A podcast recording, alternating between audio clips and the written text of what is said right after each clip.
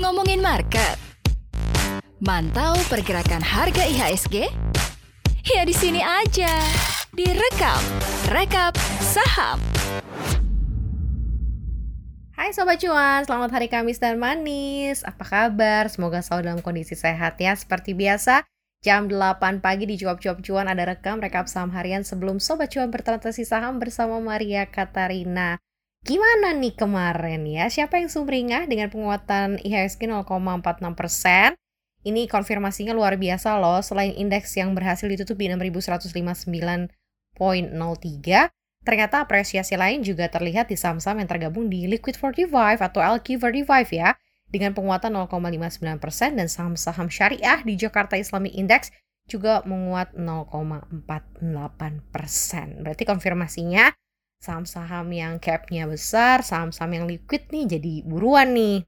Hal ini terbukti juga karena ada tiga saham Bank Himbara, himpunan bank milik negara berkapitalisasi besar atau big cap jadi incaran aksi beli investor asing di perdagangan kemarin. Ada tiga saham ya, ada Bank Rakyat Indonesia, Bank Sentral Asia, dan juga Bank Negara Indonesia atau BBNI. Selain itu juga asing mengkoleksi dua saham big cap lain seperti Astra International dan juga Telkom Indonesia atau TLKM. Jadi jawara-jawara net buy-nya nih balik lagi nih ke saham-saham yang capnya besar. Nah biasanya kalau kayak gini sudah ada penyebaran portofolio dari asing. Nah cukup signifikan kan, cukup kuat kan yang kemarin Maria bilang juga nih bahwa 6000 100 nih nggak ece-ece, penguatannya luar biasa karena ada daya beli yang mendorong. Nah, tapi seperti apa ya untuk perdagangan hari ini?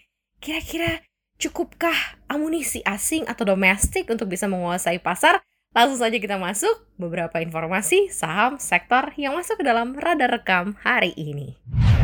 Yang pertama informasi dari pengurangan porsi saham PT Boso Korporindo di PT Bank KB Bukopin BBKP yang disebut tetap berjalan secara bertahap di mana pengurangan porsi saham itu sebagai bagian dari pelaksanaan surat keputusan OJK dan kesepakatan perdamaian dengan KB Kukmin di mana investor pengendali baru di bank yang dulu bernama Bank Bukopin tersebut. Jumlah kepemilikan Bosowa di saham KB Bukopin pada Juli 2021 sebesar 8,55 persen dan angka itu turun jika dibandingkan posisi akhir Juni sebesar 8,84 persen. Pada posisi April 2021, kepemilikan Bosowa di KB Bukopin juga masih mencapai 9,7 persen.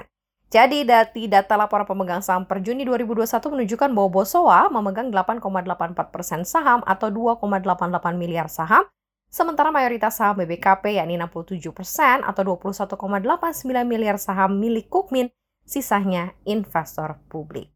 BBKP, informasi untuk Anda yang pertama, kira-kira masuk ke dalam radar Sobat Cuan? Hmm, bisa dipikirin ya, seperti apa nih kira-kira dengan pengalihan kepemilikan saham. Apakah akan jauh lebih membuat BBKP terbang? We'll see. Kita ke info selanjutnya. Next. Yang kedua ada konglomerasi nih yang semakin ramai di dunia bisnis Indonesia di mana perusahaan-perusahaan berskala jumbo kian melebarkan sayap ke berbagai sektor lain untuk memperkuat ekosistem usaha dan salah satu di antaranya adalah Grup Salim. Grup Salim ini sudah menggenggam saham di sejumlah emiten dari Indofood, Indofood CBP, Indomobil Sukses Internasional atau IMAS, PT Indo Retail Makmur Internasional, Dinet, Nippon Indosari Corporindo Roti, dan PT Nusantara Infrastructures atau Meta. Selain itu, pengembangan bisnis digital dan telekomunikasi seperti DCI Indonesia, DCI, dan PT Elang Mahkota Teknologi atau EMTK. Dalam konteks ini, tampaknya grup Salim ini sedang ekstra cash flow yang dapat diraih dari bisnis produk konsumsi sampai retail dengan kinerja yang bisa stabil, bahkan terus menanjak. Nah, kenapa sekarang pertanyaannya adalah sektor digital ini jadi sasaran? Berdasarkan informasi dari para pengamat dikatakan bahwa untuk digital ekonomi yang merupakan sektor yang sangat prospektif, juga bagus untuk menunjang industri telekomunikasi dan internet yang dimiliki. Jadi istilahnya nih, dalam satu ekosistem industri ada beberapa lini bisnis dari Salim Group yang eksis. Jadi faktor profit dan duit yang menyebabkan Salim Group ini bisa berekspansi ke beberapa lini bisnis. Nah, Sobat Cuan, kira-kira Sobat Cuan termasuk yang tertarik atau tidak ya dengan konglomerasi bisnis selain Salim Group kan ada Astra Group, kemudian juga ada Group, kemudian ada MTech Group, kemudian ada juga Bakri Group gitu ya yang banyak sekali konglomerasinya cukup berhasil. Apakah salah satu sahamnya menjadi incaran atau Sobat Cuan yang termasuk suka gurita konglomerasi? Jadi bukan punya satu aja nih, tapi punya banyak yang lainnya. Jadi kalau satu naik semuanya terkerek. Kira-kira seperti apa? Silahkan aja dipikirin ya Sobat Cuan, kita ke info selanjutnya. Ada yang ekspansi ekspor juga nih ke mancanegara. PT Mustika Ratu Tbk emiten dengan kode saham MRAT terus meningkatkan ekspansi ekspor produk ke mancanegara. Terbaru perusahaan produk kecantikan jamu dan kesehatan ini berhasil membidik dan memasuki pasar Timur Tengah atau Middle East dan juga Rusia. Ada tren back to nature yang tengah digemari dalam membuat produk-produk Mustika Ratu sangat relevan di seluruh dunia dan berhasil juga merebut hati konsumen mancanegara dan sampai saat ini MR, MRAT atau Mustika Ratu ini sukses memasuki pasar ekspor seperti Kanada, Amerika Serikat, Czech Republic, Suriname, Oman, Irak, Taiwan, dan juga 20 negara lainnya. Selain Timur Tengah dan Rusia, MRAT atau MRAT atau MRAT ini juga tengah mempersiapkan untuk masuk ke pasar Asia Selatan seperti Bangladesh, Sri Lanka, dan juga India. Dan tampaknya MRAT ini atau MRAT seraya optimis penjualannya ke pasar ekspor dapat meningkat signifikan dengan adanya perluasan pasar yang dilakukan ke beberapa negara tujuan baru.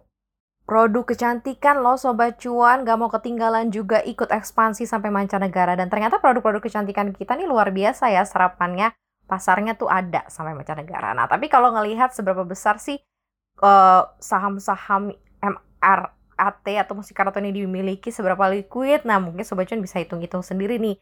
Kira-kira kontribusi penjualan di luar negeri akan cukup bagus nggak ya untuk menyeimbangkan kinerja keuangan Emrat? Ya itu nanti dilihat nih hasilnya seperti apa.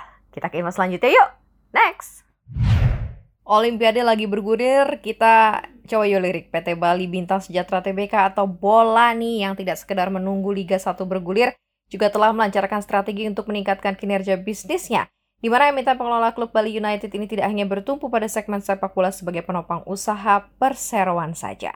Direktur Utama Bali Bintang Sejahtera Yabes Tanuri mengungkapkan bahwa bola tengah mengembangkan dan menjajaki revenue stream di bidang sport dan juga entertainment berbasis konten dan teknologi. Dan tiga segmen utama yang menjadi fokus bisnis bola adalah sport, e-sport, entertainment, dan konten enabler, serta digital community incubator. Saat ini Bali United juga memiliki sejumlah aset potensial, antara lain mempunyai 5 tim senior U20, U18, U16, dan tim wanita, serta Bali Elite Pro Academy, Retail dan Radio, dan juga Bali United Megastore Playland, Cafe Bali United FM, dan BU TV. Dan lebih dari 14 juta followers loh di platform media sosialnya.